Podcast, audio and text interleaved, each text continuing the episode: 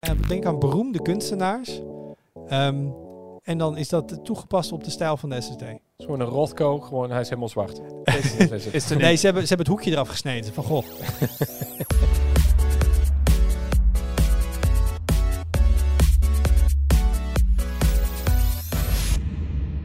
Hoi, leuk dat je luistert. Welkom bij een nieuwe aflevering van de Tweakers Podcast. Mijn naam is Wout. Eh Arnoud is lekker met vakantie en Jur is ook lekker met vakantie. Dus die hoor je niet vandaag. Maar ik zit wel om tafel met Heide Hugo Hallo. en met Thijs Hofmans. Hoi. En eh, wij gaan het vandaag hebben over eh, digitale plannetjes. En niet digitale plannetjes van zomaar mensen, maar van ons kabinet. Wij hebben natuurlijk, op, ga ik eventjes maar vanuit, eh, eh, ongeveer anderhalf jaar geleden gestemd. Er waren weer landelijke verkiezingen. Dan komt er uiteindelijk zo'n mooi regeerakkoord uit. En er staan dan altijd dingen in over wat ze op IT-gebied gaan doen. Nou, Thijs, eh, die, vindt, even duren. die vindt het altijd hartstikke leuk. Dat is een van zijn hobby's om daarin te duiken en te kijken wat er allemaal voor mooie beloftes gemaakt zijn. En wij vinden op zich nu toch al wel een keer het moment om een tussentijd de balans op te maken en te kijken of er ook echt wat mee gebeurt. Alles gaat mis in de politiek in Nederland. Kijken hoe dat met de digitalisering staat. Daar Precies, ook dat was een beetje het idee. Maar dat gaan we zo meteen doen. Eerst natuurlijk de highlights. En eh Heite, wat is jouw highlight? Eh, mijn highlight gaat over eh, Meta, specifiek de overname van Giphy. Eh, in, in begin 2020 heeft Meta namelijk, namelijk gezegd, wij gaan Giphy overnemen. Voor de mensen die het niet weten, Giphy is platform. Ja, gifjes, toch? Gifjes, ja. ja, ja. Gifjes, Heel gifjes. simpel. Ik doe, Hoe gaan we deze discussie voor? sorry, ja, nee, sorry. Ja, nee. GIF voor gif? Ik zeg zeker het Nederlands gewoon gif. Harde G. Is dat niet een zachte G dan? Is GIF niet een harde G?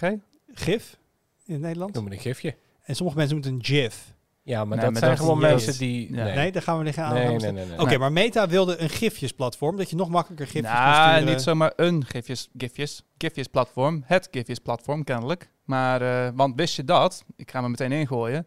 Volgens eh, de Britse toezichthouder is Giphy na Google de grootste zoekmachine op basis van searches. Van zoekopdrachten. Wauw. Dus het is Wat? niet zomaar een Giphy's platform. Het is het Giphy's platform. Want ik weet, je hebt, zeg maar, als je kijkt naar de grootste search engines ter wereld, heb je altijd Google. Dan de tweede is dan ook eigenlijk ook Google. Nee, dat is? Giphy. Giphy. Nee, maar is dat niet YouTube dan? Dat zeggen ze altijd. Volgens, volgens de Competition, Competition and Markets Authority is het Giphy. Oké. En, en dat, daar vinden ze dan wat van als Facebook de tweede grote zoekmachine van de wereld wil kopen. Precies. Ja, nou, nee, eh, want het, je, misschien denk je eerst, wat heeft een Britse toezichthouder te, te zeggen over de overname van een Amerikaans bedrijf door een ander Amerikaans bedrijf? Maar allebei de bedrijven die werken natuurlijk internationaal. Want jij kan Meta-spul gebruiken en je kan Giphy-spul gebruiken. Dus vandaar, ook in Engeland, dus vandaar dat de CMA in dit geval dacht, daar gaan we iets over, iets over denken en iets over zeggen. En wat zij eigenlijk hebben gezegd is, die overname dat, dat, dat, dat concurreert te veel. Want als je inderdaad de, de grootste, het grootste Giphies-platform overneemt, dat, dat is niet goed voor de concurrentie. Dus doe maar niet. En Meta zei op zich wat te verwachten, dat willen we wel. Dus zij stapte naar de rechter. En de rechter heeft maandag gezegd eh, dat het onderzoek van die Britse waakhond niet goed was. Het is een wat complex verhaal, maar dat Oké, is het nieuws dus ze mochten niet Giphy overnemen, want te veel monopoliedingen. Ja, En Ja, nu heeft de rechter gezegd, ja, maar dat onderzoek van de waakhond is niet goed uitgevoerd. Dus Facebook, Meta mag het nu wel overnemen of moet het onderzoek opnieuw gedaan worden? het onderzoek moet opnieuw gedaan worden. Ah, Ja, nou, helemaal opnieuw dat niet. Maar ze hebben nog, eh, die Britse waakhond heeft nu drie maanden de tijd om te kijken van, oké, wat hebben we fout gedaan? Want dit is wel vrij duidelijk wat ze hebben fout gedaan. En dan wat, mogen ze- kunnen we dat nog eens in, in, in eh, lekentaal uitleggen wat ze fout hebben gedaan? Als je naar ehm, ja, wat ze hebben gedaan, ze hebben eh, grote onderdelen van het onderzoek hebben ze eh, redacted, zoals dat heet, hebben ze weggelakt, zwart gelakt. Ja, Want zij zeggen, ja, we hebben een heel uitgebreid en heel goed onderzoek gedaan. Dus heel veel wat we hebben onderzocht is eigenlijk overkill. Dus we hebben dat een beetje samengevat en dit is wat we hebben gezegd. Dit is waarom we niet, waarom we niet willen dat die overname doorgaat. En Meta die heeft gezegd van, ja, maar hoe kunnen wij ons verdedigen als een groot deel van het verslag niet leesbaar is? Maar er is ook een verschil. Weglakken doe je toch als iets confidential is. En niet omdat Ja. je zegt, ja, we hebben een samenvatting gemaakt, dus we hebben de dingen die niet boeiend zijn, maar zwart weggestreept. Meteen een hoop intrige dat ik denk van wat stond er achter de Ja, zwarte, zwarte precies. strepen. Er stonden ook wel wat confidentiële dingen in, zoals dat Snap had, eh maar het bedrijf achter Snapchat, die had eh, in 2020 Giphy Cat overgenomen. Wist ik eigenlijk niet, maar dat is een concurrent van Giphy. En eh, die Britse waakhond heeft daarom met Snap gepraat van... Goh, wat gaan jullie dan met Giphy Cat doen? En onderdelen daarvan stonden in eh, het verslag. En CMA, dus die Britse waakhond, die heeft die onderdelen samengevat. En heeft dat zo gepresenteerd tegenover Meta van... dit is waarom we niet willen dat die overname doorgaat. Oké. Maar even gewoon, hè, wij zijn geen waakhond. Mhm. Eh, het gaat over, trouwens over honden en Kiffy Cat. Het is een hele huisdierenaflevering.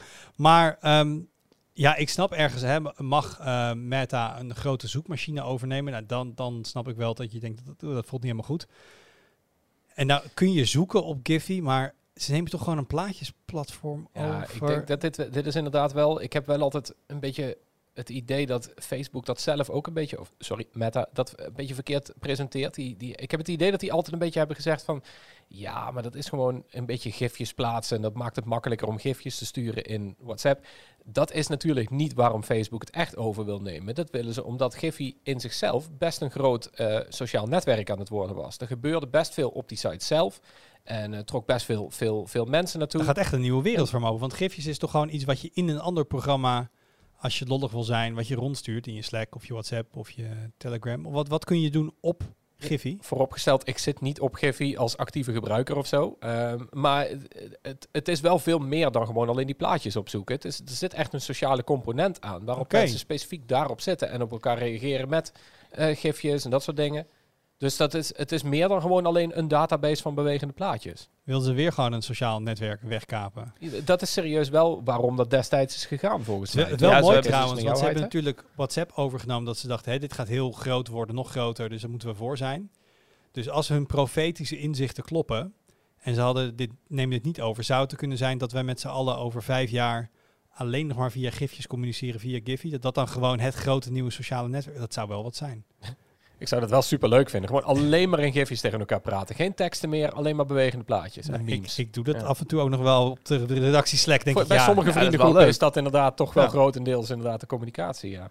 Ik denk dat als je een beetje kijkt naar de manier waarop Facebook eh, concurrentie altijd overneemt, of in ieder geval daarnaar kijkt. ehm, zij proberen natuurlijk allemaal netwerken in een vroeg stadium al over te nemen. En jij zegt overigens op basis van inzicht. Dat gebeurt natuurlijk ook op basis van heel veel concurrentiedata. Haal even dat debakel aan met die gratis VPN die ze destijds aanboden. Ehm, maar als je het op die manier bekijkt, dan kun je ook zeggen dat TikTok, wat op dit moment een serieuze bedreiging is natuurlijk voor, eh, voor Facebook. TikTok is eigenlijk ook gewoon een, een videoplatform.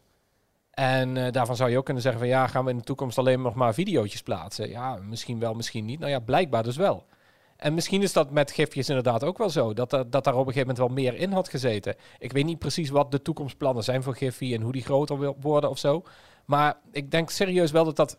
Het, het zal niet Facebook van de, van de troon stoten als het grote sociale netwerk. Maar een, een onderdeel van dat hele spectrum is het absoluut wel, ja. Het is best interessant wat je nu zegt, want zo heeft Meta de overname zelf nooit aangekondigd. Maar zoals je het nu zegt, dat, dat klinkt wel, hoe zeg je dat? Dat klinkt wel plausibel. plausibel inderdaad. Maar zo Ja. heeft Meta heeft altijd gezegd van, ja, 50% van eh, al het Giphy-verkeer, dat, dat gaat nu via Meta. En de helft daarvan gaat weer via Instagram. Dus wij zijn al veel met Giphy en gifjes en zo bezig.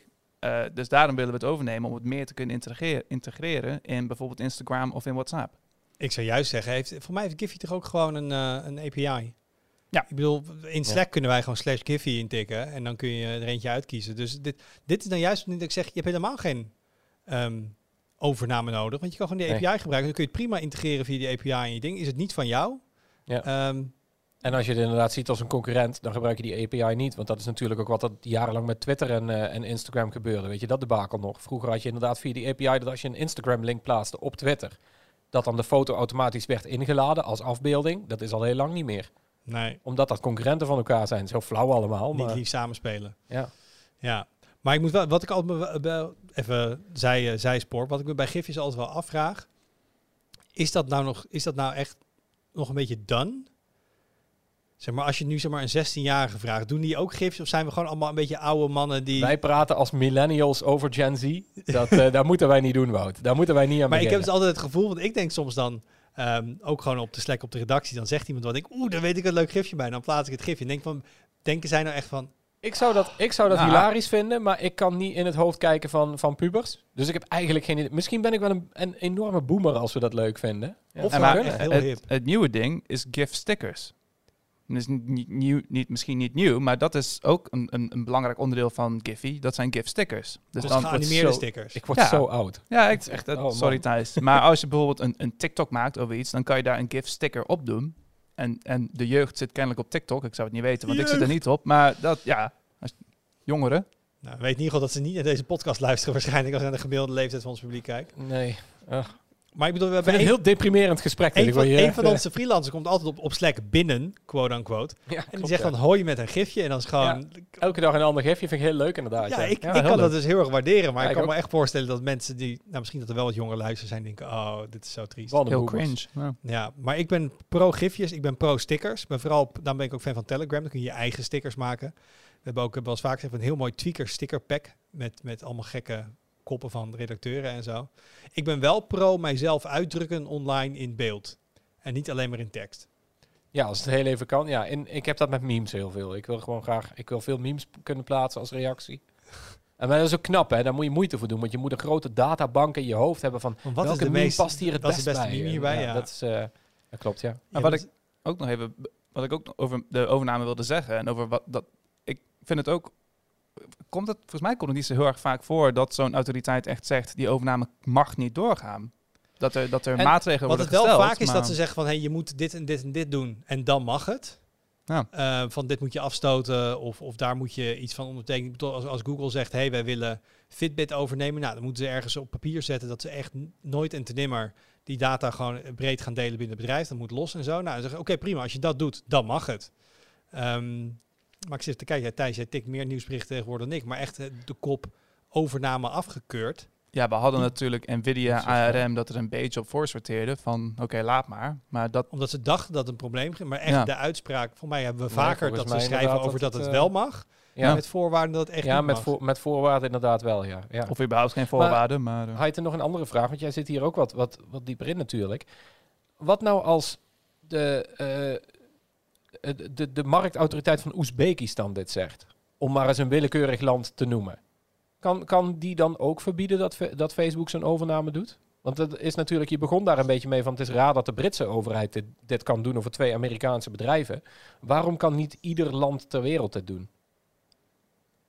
Eh, het antwoord is denk ik daarop dat ieder land ter wereld dit kan doen. Misschien is het alternatief dat, dat die diensten dan niet hun diensten mogen aanbieden in... Ik denk dat, dan heb je dus Ja, wordt het zeg maar dag ja. tegen Oezbekistan als Facebook. Ja. en dat Facebook of Meta dan inderdaad zegt van nou, maar Engeland is zo'n grote, grote kl- klant voor ons, dan gaan we maar gewoon het hele beleid wereldwijd aanpassen. Of Ja, zo. kijk, bij dingen als het te maken heeft met productontwikkeling, dan zie je vaak dat ze dan per land aanpassen. Ik bedoel, hè, Apple Google- eerst in Google- Nederland. Ja, Google nou ook Ehm, inderdaad met alles. Ja. En dingen of eh, dat, dat Microsoft in de EU bepaalde versies dingen in Windows moest weglaten. Of dat er games in Duitsland uitkomen met eh, groen bloed in plaats van normaal bloed, dat soort dingen.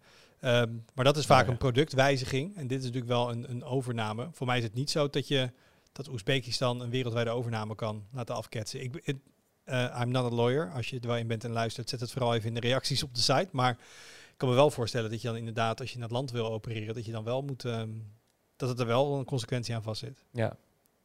Oké, maar geen. ehm, of misschien dus nog wel. Misschien dat hij nog wel doorgaat. Maar ze hebben dus nu drie maanden, zei om het opnieuw goed uit te leggen waarom het niet zou mogen. Eh, nou ja, om al die zwartgelakte teksten wit te maken. Of nee, niet wit, maar Ja, ja, om ze weer uh, leesbaar te maken. zaken te, ja. te geven. En dan kan Meta kan weer zeggen van oké, hier ben ik het wel mee eens of niet mee eens of wat dan ook. En dan, want dat is, Meta moet zich kunnen verdedigen en dat kon Meta nu niet. Vind het wel mooi dat zo'n technicality is. Dus Meta heeft zonder problemen Instagram en WhatsApp mogen kopen. Ja. En dan, waar gaat het nu het meest op mis? Op flippin Giphy. ja. En een beetje zwart lakken van tekst. Ja, nou, misschien dinsdag. dat ook de toezichthouders dus wat, wat scherper zijn geworden hierin. Dat had het misschien toen, eh, toen moeten zijn. Alright, Thijs, wat is jouw highlight? Ja, ehm, er is een, eh, een eh, nieuw onderzoek gepubliceerd, wetenschappelijk onderzoek, van een, eh, een groep Israëlische beveiligingsonderzoekers. En die hebben het voor elkaar gekregen om data af te luisteren via de elektromagnetische straling van SATA-kabels in computers. En ik vind dat super vet onderzoek. Ze noemen het Satan-onderzoek, dus SATA-N. Tuurlijk. Dat is superleuk. Ehm, en ehm, ehm, dit is een onderzoek onderzoeksgroep die ik al eh, best een tijdje volg. En een jaar geleden of zo heb ik die ook gesproken en geïnterviewd van hoe doen ze dat nou? Want wat zij eigenlijk doen, zij houden zich alleen maar bezig met het afluisteren van informatie uit air-gapped netwerken. En ze gaan eigenlijk altijd een beetje op dezelfde manier eh, eh, te werk. Ze pakken een computer en daarvan zeggen ze die is niet aangesloten op internet. Dat is gewoon een computer zoals die draait in ja, zeg een hoogbeveiligde faciliteit zoals een kerncentrale of, of een kantoor of weet ik veel wat. En dan vervolgens pakken ze eh, die eh, infecteren ze met malware linksom of rechtsom. Zie maar hoe je doet, bijvoorbeeld met een USB-stick of zo. Nou ja, dat zeggen ze van dat is niet ons probleem.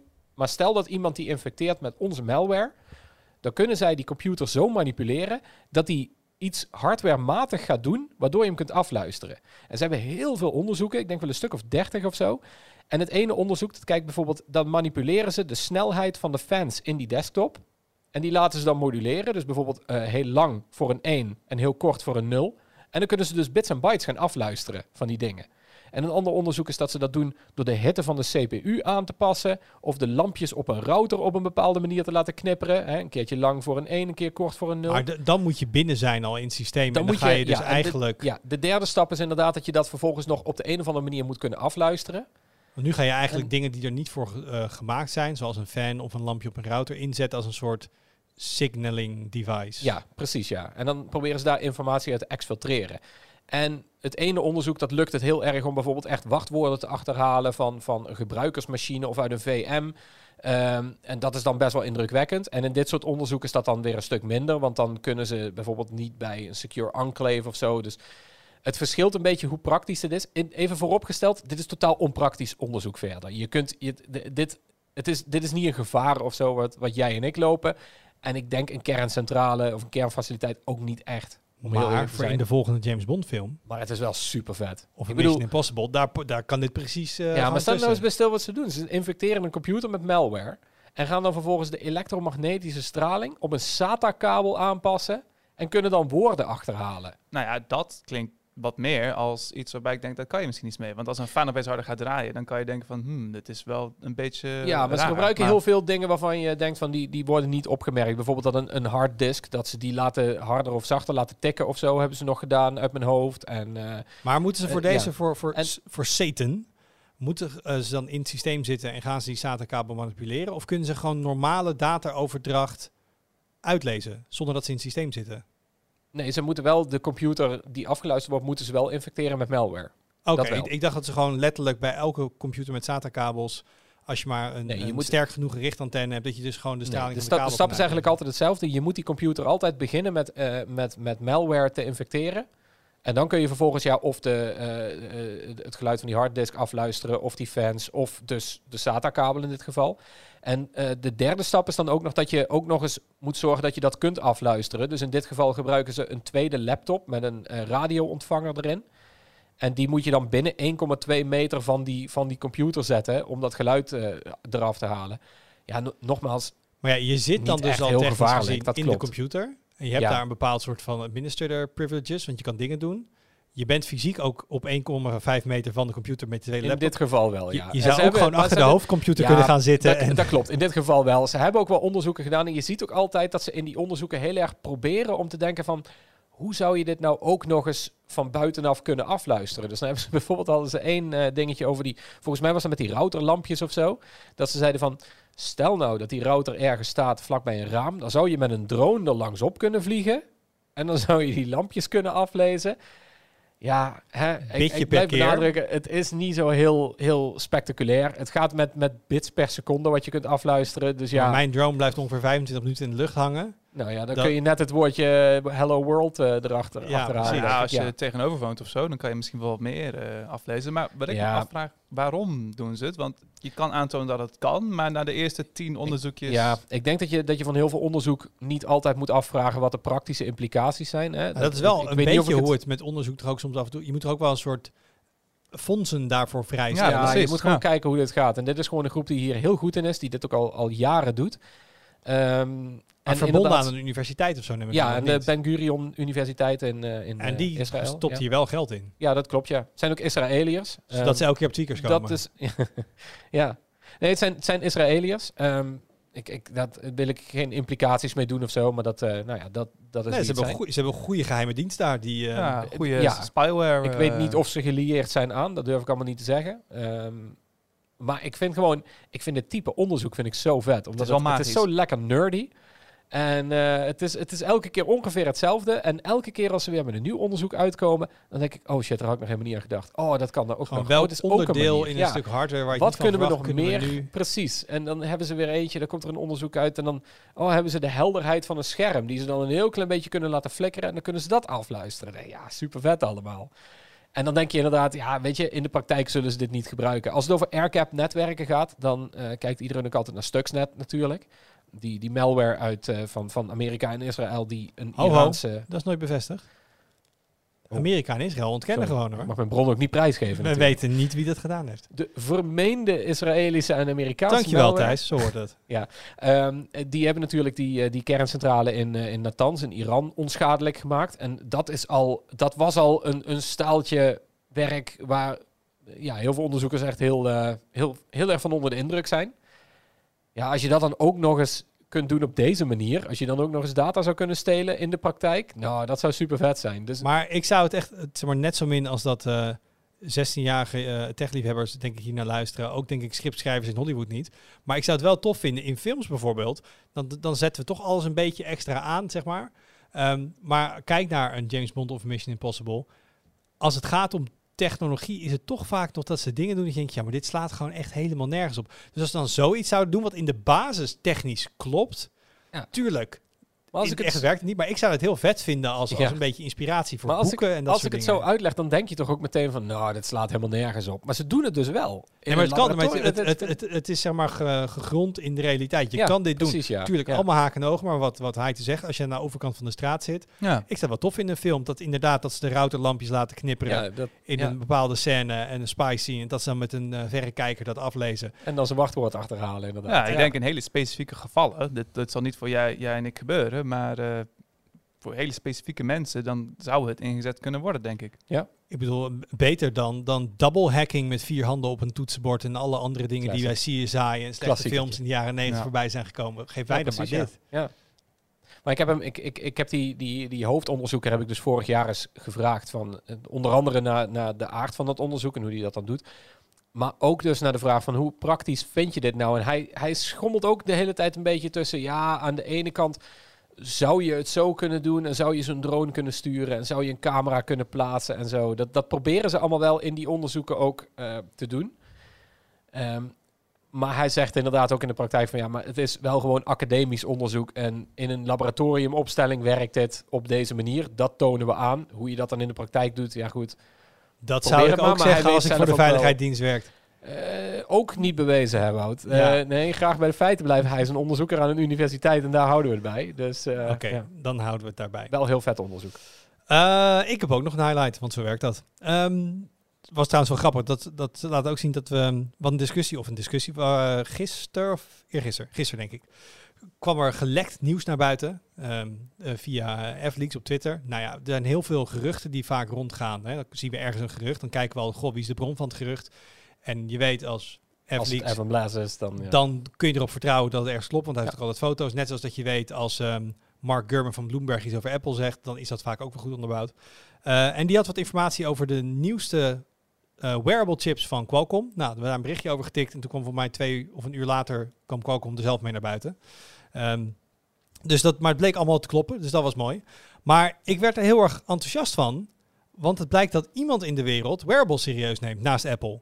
Want ik, ik heel eerlijk, ik ben Ja. gewoon een beetje jaloers op Apple-gebruikers. ja, ik ook. Ehm, niet Zeker. zozeer vanwege de iPhone. Ik, ik vind Android op telefoons vind ik een heel fijn besturingssysteem. Ik kan er ehm, meer aan instellen. Ik vind notificaties fijner werken. Ik vind iOS ook echt niet slecht of zo, maar het past meer bij mij.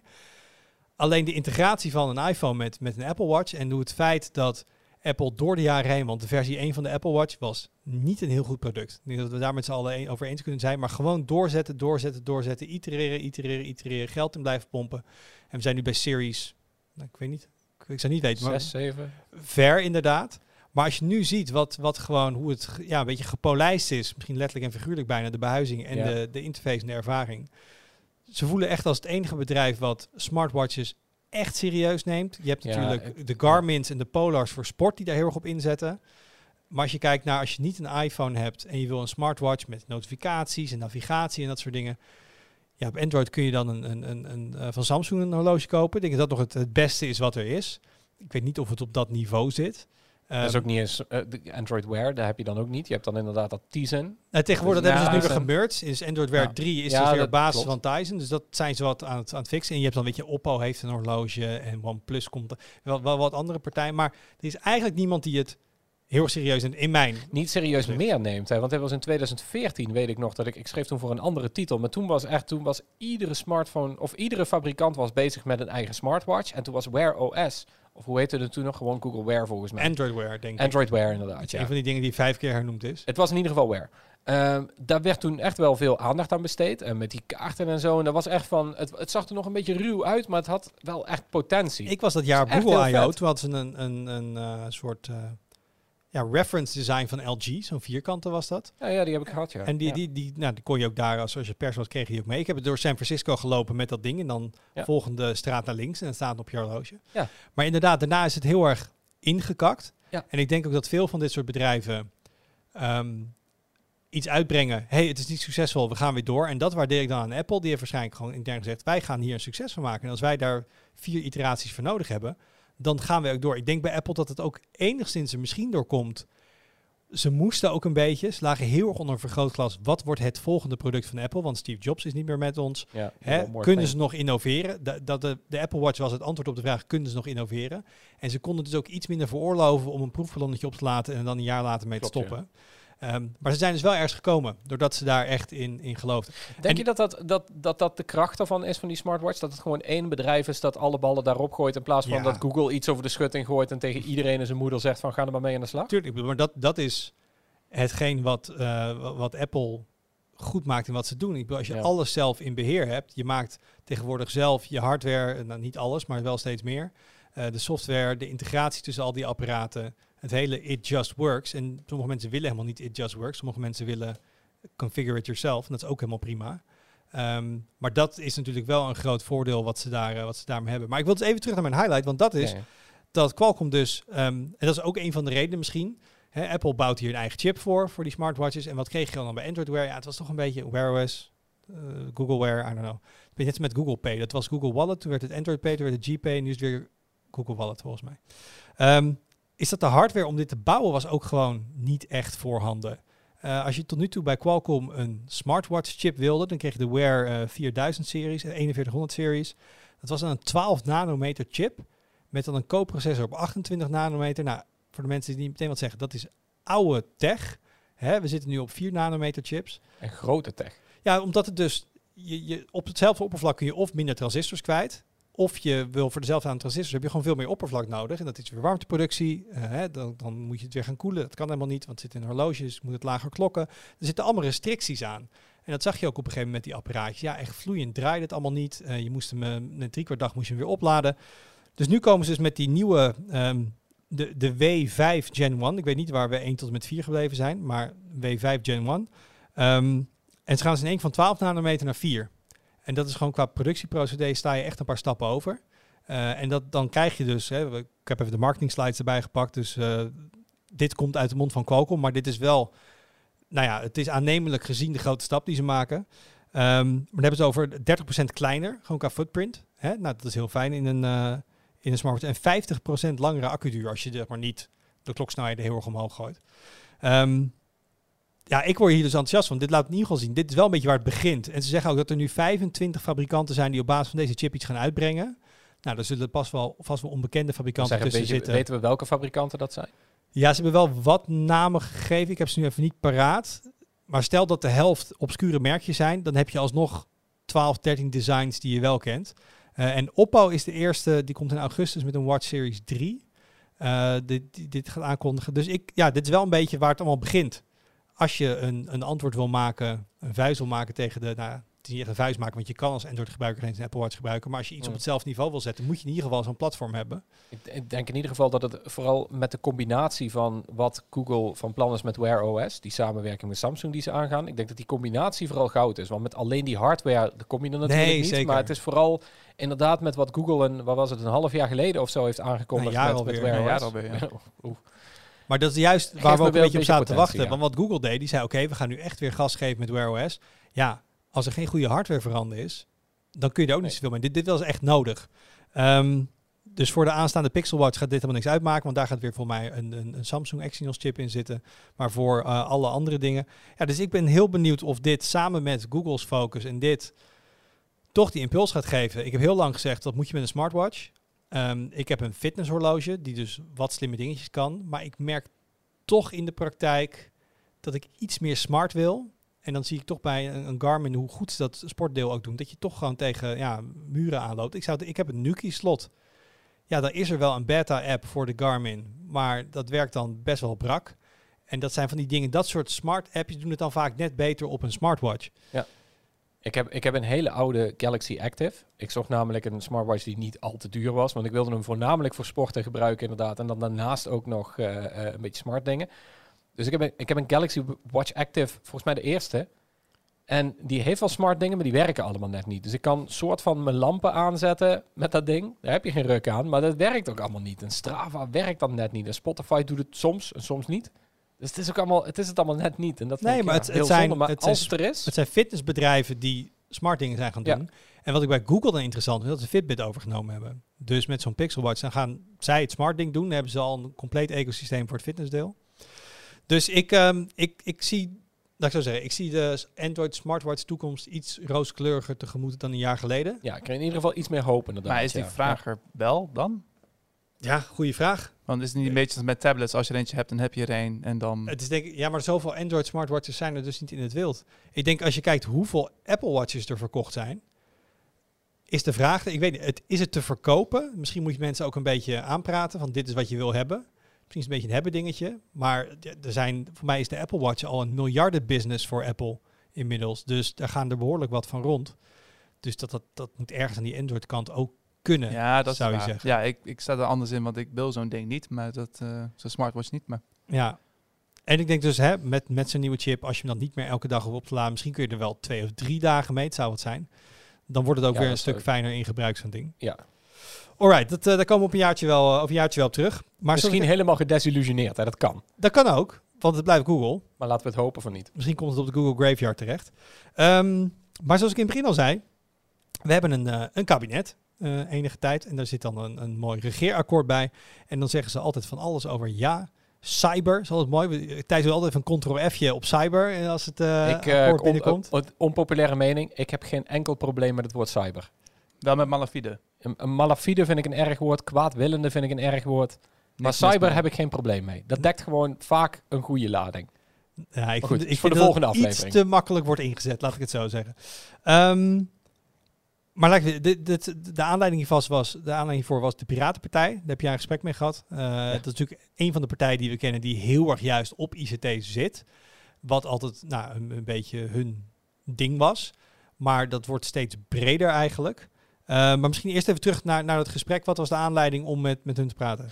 Ja, ehm, heel vaak als wij schrijven over politiek, dan is er in de comments altijd wel iemand die zegt en de Piratenpartij dan. Of die, die haalt de Piratenpartij aan. En de Piratenpartij bestaat in Nederland sinds 2012 ongeveer. Een krappe tien jaar. Oh.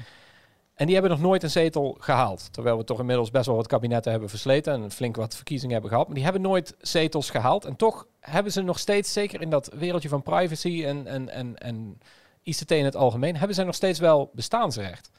Ehm, en toen heb ik vorig jaar ben ik inderdaad aan de gang geweest met alle verkiezingsprogramma's van alle partijen. Die heb ik doorgelezen over wat vindt de VVD, wat vindt eh, de SGP, eh, tot aan D66 en GroenLinks. Wat vindt iedereen van de cyber? en ehm, toen kwam ik er eigenlijk niet onderuit om ook de Piratenpartij daarbij te noemen. Dat leek me zo raar om dat dan niet te doen. En toen had ik al zoiets van, al deze partijen zijn nu bezig met digitalisering op de een of andere manier. Die zijn daar best veel mee bezig ook. Er staat in ieder verkiezingsprogramma stond er best wel wat uitgebreid over. We moeten dit, we moeten dat. Algoritmes. Algoritmes zijn een groot voorbeeld. Rekeningrijden was ineens weer heel populair bij alle partijen. Eh, en, en er zijn gewoon heel veel punten waar ineens al die partijen mening over hadden. En tien jaar geleden, toen de Piratenpartij dus opgericht was, en in die, die jaren daarna, toen was het echt van, als je voor digitalisering wilde gaan, als je dat belangrijk vond, dan moest je bij de Piratenpartij zijn. En je had een handjevol politici in de Tweede Kamer altijd. Je had een Kees Verhoeven bijvoorbeeld, die zullen de meeste luisteraars wel kennen. Je had, daarvoor had je nog Astrid Oostenbrug. En er, waren wat politici die heel veel bezig waren met digitalisering, maar geen partijen. Partijen lieten dat een beetje links liggen als programma. En toen dacht ik van, ja, dat is, dan is het logisch om de Piratenpartij daar ook eens bij te betrekken. Alleen, ja, het is nu 2022 en al deze partijen zijn met digitalisering bezig. Wat is eigenlijk het bestaansrecht nog van een partij die dat als, als stokpaardje heeft? Dus ik, dat wilde ik eigenlijk vooral van ze weten. Van, Ik ja, ben wel benieuwd eh, naar het antwoord. Want Als je, heb je ze geconfronteerd met het feit...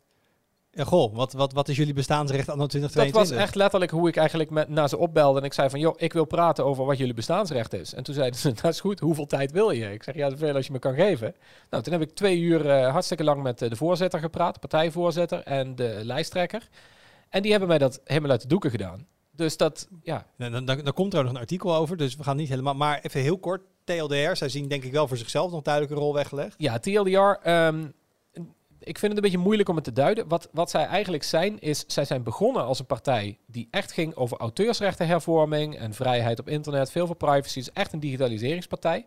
Is later uitgegroeid naar een redelijk progressieve partij, een vrij activistisch progressieve partij ook, die heel veel strijdt voor hervorming van democratie, hervorming van, van eh, de gezondheidszorg. Ehm, duurzaamheid is heel belangrijk voor ze. En ze zijn echt met dingen bezig zoals rechten voor sekswerkers en drugsbeleid en dat soort dingen. Dus vrij progressief. En dan weten ze daar overal een techhaakje bij te vinden.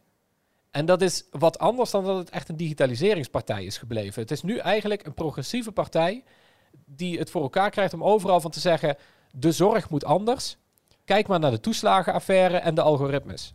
En snap je dat is En de zorg moet anders en het antwoord zit ergens in de gebruikte techniek en niet in de, mens. Precies, niet, niet zozeer, ja, niet precies. Dat maar is ze bijna een beetje... ehm, mooie Engelse uitspraak van... If, if all you have is a hammer, every problem is a nail. Dus zij zeggen, het antwoord op alles ja. is digitalisering. En Ja. als er problemen zijn, is dat het standaard antwoord. Wat Ja, klinkt een beetje plat, Maar maar... ze gaan bijvoorbeeld ook uit. eh, een goed voorbeeld was bijvoorbeeld eh, de coronacrisis. Daar, daar vinden ze dan wat van. eh, onder andere over vrijheid om te kiezen voor vaccins en dat soort dingen. Maar wat ze dan vervolgens gaan doen, is dat ze de economische situatie daarbij pakken. En zeggen van allemaal kleine ondernemers worden getroffen. Nou ja, da- daar kun je dan wat van vinden. En moet je ze wel steunen of niet steunen? En met hoeveel? Dat zijn politieke vraagstukken. En de Piratenpartij zegt dan. Want degene die daar het meeste van profiteren, dat zijn Amazon en Ali, AliExpress. En dan weten ze daar toch weer een techhaakje aan te vinden van, Ja. van e-commerce reuzen die zijn groter. Dus dat vond ik wel, ik vond een interessante inkijk. Oké, maar, ze, maar eh, zij zijn dus nog steeds actief. Eh zitten niet in het kabinet. Nee, heb, Eh, of in de Tweede Kamer zelfs. Ze hebben geen, weer geen zetel gehaald dit jaar. Kwamen Ja. ze dichtbij? Nee, eh, sterker nog, in de afgelopen verkiezingen hebben ze nog minder stemmen gehaald dan de verkiezingen daarvoor in 2000, eh, wat was het, 17. Dus het gaat juist, je kunt ook zeggen dat het slechter met ze gaat. Dat zal Ja, maar misschien dus ook omdat andere partijen zich meer met het onderwerp Ja, bezighouden. Dus laten we daar, dus ja. daar, daar even naartoe gaan. Ehm, het kabinet zit er nu eh, een, een half jaar. We hebben een staatssecretaris voor digitalisering tegenwoordig. Ehm, ja, wat, wat, misschien kunnen we gewoon even kijken. Wat is er anders aan dit kabinet buiten dat? Zien we iets anders op dit gebied dan bij vorige kabinetten? Ehm, heel veel anders niet, want Rutte 4 is natuurlijk in het algemeen gewoon een voortzetting van Rutte 3. Maar je ziet wel echt dat, dat het huidige kabinet ehm, steeds meer aandacht heeft voor digitalisering. En niet alleen het kabinet, ook de hele Tweede Kamer. In, in eigenlijk iedere partij, en dan heb je het echt over D66, wat vroeger best wel een digitale partij was, tot aan de SGP aan toe. Die hebben allemaal hebben ze meningen over digitale onderwerpen. En dat gaat echt ook heel breed over eh, digitalisering in de zorg. Bijvoorbeeld, wat doe je met patiëntengegevens? Dat is voor een partij als het CDA of 50PLUS is dat belangrijker dan, dan, dan, dan veel andere dingen. Maar het kopje digitalisering had in ieder verkiezingsprogramma eh, het afgelopen jaar... was ook een apart kopje in ieder, ieder verkiezingsprogramma van iedere partij. Maar je zegt, daar hebben ze een mening over. Daar vinden ze wat van. Dat is natuurlijk redelijk makkelijk. Hebben Ja, ze ook klopt. hele duidelijke initiatieven en ideeën erover. In, in het regeerakkoord, ja. In het regeerakkoord staan een paar dingen, ehm, best wel veel eigenlijk, over specifiek digitalisering. En sommige die zijn heel vrij fundamenteel. Daar gaat het over ehm, ehm, hoe moet een overheid of bedrijven openheid geven over algoritmes. Nou ja, dat is natuurlijk een heel, heel breed vraagstuk. Of als het gaat over, eh, ze willen dat bijvoorbeeld iedere, zo'n beetje iedere veiligheidsdienst in Nederland, van de politie tot een, maar ook de rechtspraak, het Openbaar Ministerie, de, de NCTV, de AIVD, alles moet meer geld krijgen voor cyber. En in ieder geval voor digitale ondermijning. Ehm, voor, voor digitale criminaliteit, ransomware moet makkelijker kunnen worden opgepakt en zo. Dus over de hele linie zie je wel dat daar inderdaad meer aandacht voor bestaat, ja. Dat was een regeerakkoord, zei je. Dat was het regeerakkoord, ja. En zijn er dingen die ehm, beloofd zijn door partijen in aanloop naar uh, tijdens de verkiezing naar het regeerakkoord en die er misschien ook wel in uh, terecht zijn gekomen, waar we nu al wel zien dat daar ook echt stappen op worden ondernomen? Ja, ja die zie je zeker. Dat vind ik best wel een interessante, want ik, ik, ik zat dus dat interview met de Piratenpartij voor te bereiden. En toen ging ik eens kijken van wat is er nou eigenlijk in het afgelopen half jaar van terechtgekomen al. Ik vind een half jaar na het aantreden, vind ik dat ze al best wel wat hebben gedaan. Um, heel veel van die acties, dat zijn redelijk laaghangend fruit. Dat is allemaal best wel makkelijk op zich. Maar er is bijvoorbeeld een verbod op doxing naar de Kamer gestuurd. Dat betekent dat je uh, geen, geen gegevens van anderen online mag publiceren. Um, de gegevensverkoop van de KVK, dat is stopgezet. Ja, dat liep al wel een tijdje, of niet? Dat is niet per se... Ja, het liep wel een tijdje, maar dat, is, dat wordt nu wel harder vastgelegd. Maar het zijn allemaal dat soort kleine dingetjes. Ook, ook als je kijkt naar dat er meer geld gaat naar de autoriteit persoonsgegevens. Uh, dat soort dingen worden wel, worden wel opgepakt, ja. En je, hebt, en je hebt natuurlijk die algoritme toezichthouder. Dat was voor eigenlijk iedere partij was dat heel belangrijk om daar rekening mee te houden. Was met, met algoritmes. Vers het, het toeslagaffaire is waarom ja. het vorige kabinet viel. Dus het zou gek zijn als je daar niet iets van vond. Nee, precies. Maar de, de meeste partijen die willen, daar, die willen daar echt aandacht voor. Maar die komt er nu dus ook. Er komt een algoritme toezichthouder. En, en die was toch los van het AP, toch? Ja, hij komt onder de autoriteit persoonsgegevens te vallen. Dat is het idee. Oké, okay, dus ze krijgen meer geld, maar ze moeten ook meer doen. Ja, maar er wordt weer een apart budget voor vrijgemaakt. Oh, okay, dus er wordt wel een okay. soort van een, een, een nieuw toezichthouder. Maar ook het feit dat we dus bijvoorbeeld inderdaad een staatssecretaris van digitalisering hebben nu, die echt toezicht gaat houden op, op dit soort dingen. Heb je enig idee wat ja. zij het eerste half jaar heeft gedaan? Heeft gedaan. Heb je een beeld bij? Denk je, nou, ja, sterker nog, ik heb, het er, ik heb het er een paar weken geleden gevraagd. Le lekker uh, bezig? Of? Ja, ze, heeft, uh, ze doet zowel twee dingen. Hè, om even te beginnen, ze doet ook koningsrijksrelaties. Dus ze is heel veel bezig met, uh, met Curaçao en zo. En, en de eilanden. Um, waar ze vooral op wil, uh, toezicht op wil houden zijn, uh, is overheidsdienstverlening. En dat is van, de, de overheid moet digitale dienstverlening goed doen. Dat is eigenlijk waar het op neerkomt. Wie is daarop tegen? Uh, niet iedereen, maar uh, ja. Maar dat is wel, ze komt natuurlijk, kijk, staatssecretaris Alexandra van Huffelen, die, is, die was bekend als staatssecretaris van, van de, de afhandeling van de toeslagenaffaire. Dus die weet ook wel wat er allemaal mis kan gaan als je daar geen aandacht aan besteedt. Um, dus het is misschien niet zo heel gek dat ze zich daarmee bezighoudt. Maar ze gaat ook op, op een paar andere dingen, zoals een digitale identiteit. Daar houdt ze toezicht op. Um, dat wordt ook heel veel in Europees verband gedaan op dit moment. Maar dat is voor haar ook heel belangrijk. En dat valt allemaal een beetje onder één paraplu van een digitale overheid. Dus dat is, dat is voornamelijk waar ze zich mee bezig gaat houden. Als ik nou gewoon jouw onderbuik even mag aanspreken. Er zijn een paar kleine dingetjes nu gedaan. Gegevenskoop KVK, doxing, meer geld voor het AP. Um, en veel grote plannen. Heb jij het idee, als wij terugkijken naar het einde van deze Rutte-periode, door een, een tweakerbril, dat je dan kan zeggen, ja, dit was wel echt een kabinet waarbij er meer gedaan is en meer op... op, op ik denk meer dan eerst komt. inderdaad. Dat er eerst voor het eerst officieel beleid voor komt. Dat uh, is natuurlijk niet het eerste officiële digitale beleid. Maar het feit dat daar een, een bewindspersoon op zit, ja, dat is wel een eerste goede stap. En um, ik, ik heb me ook altijd afgevraagd, dat vraag ik me nu nog steeds af, of een minister van Digitale Zaken die bezig zou zijn. Um, dat pleit onder andere dus de Piratenpartij voor. Maar dit was dus tien jaar geleden was dit wel echt een discussie. Hè, van moet, moeten we een ministerie hebben van Digitale Zaken? Iemand die overkoepelend kijkt naar de inkoop van ICT en, en, en, en verantwoordelijk is daarvoor. Um, dat weet ik eigenlijk nog steeds niet. Maar het feit dat daar nu iemand op zit die wel een paar van die onderwerpen oppakt, dat, dat is een goede eerste ja, stap. Dat is denk ik inderdaad niks, een goede ja. eerste stap, ja. Dat denk ik wel. Maar dat klinkt dus nog als zwaar dat ze zowel de koningsrijk, koningsrijksrelaties, weet je of dat vorige vorige kabinetsperiode, of dat een losse staatssecretaris was? Of hoe dat... Want ik, ik zit me, het, het klinkt gewoon als veel. Ik eventjes over. Nee, maar het klinkt als veel tegelijk. Ja, het is een dubbel. Ja, het is vrij veel Ja. inderdaad, ja. ja. Nou, misschien is dit de eerste stap dat bij een volgend kabinet het een volwaardige staatssecretaris wordt. En daarna misschien wel een keer een ministerie. Ja, misschien inderdaad wel. Maar het zal heel veel af gaan hangen inderdaad van wat ze in de komende maanden eigenlijk gaat doen. Ja. En, eh, en, en je moet natuurlijk ook niet vergeten, heel veel van de dingen die ehm, de regering wil, die worden ook op Europees vlak geregeld. Want iedere partij wilde bijvoorbeeld ook eh, optreden tegen tech, eh, techreuzen. Dus dat ze echt zeiden van we moeten optreden tegen, tegen Google en Facebook, zowel qua marktmacht als qua eh, technologische impact. Ja, wat dacht je van de ACM hier bij ons en Apple? Ja. Ja, precies dat. dat. Dat wilden ze dus inderdaad, maar die weten ook wel dat de ACM die gaat geen deuk in een pakje boter slaan als het om, om Apple gaat. Uh, Wel een- wel een beetje, ja. Ik denk Ja. dat we wel trots mogen zijn wat er in ons Ja, ja, wel, een beetje inderdaad. is. Maar, maar in ieder geval Van Huffelen, die ziet ook wel van... dat moet ook wel voor een heel groot deel vanuit Europa komen, dit, dit soort initiatieven. Nou, daar zijn we dus mee bezig met de DSA en de DMA. eh, De Digital Service Act en de Digital Markets Act. Eh, Die proberen dit allemaal wel te regelen. En daar staat Nederland ook wel vol achter. Dus Van Huffelen die gaat regelmatig naar Brussel en Straatsburg om daarover te praten. En ook wel te zeggen van wij vinden dit heel belangrijk en we staan hierachter. Doet niet iedere land.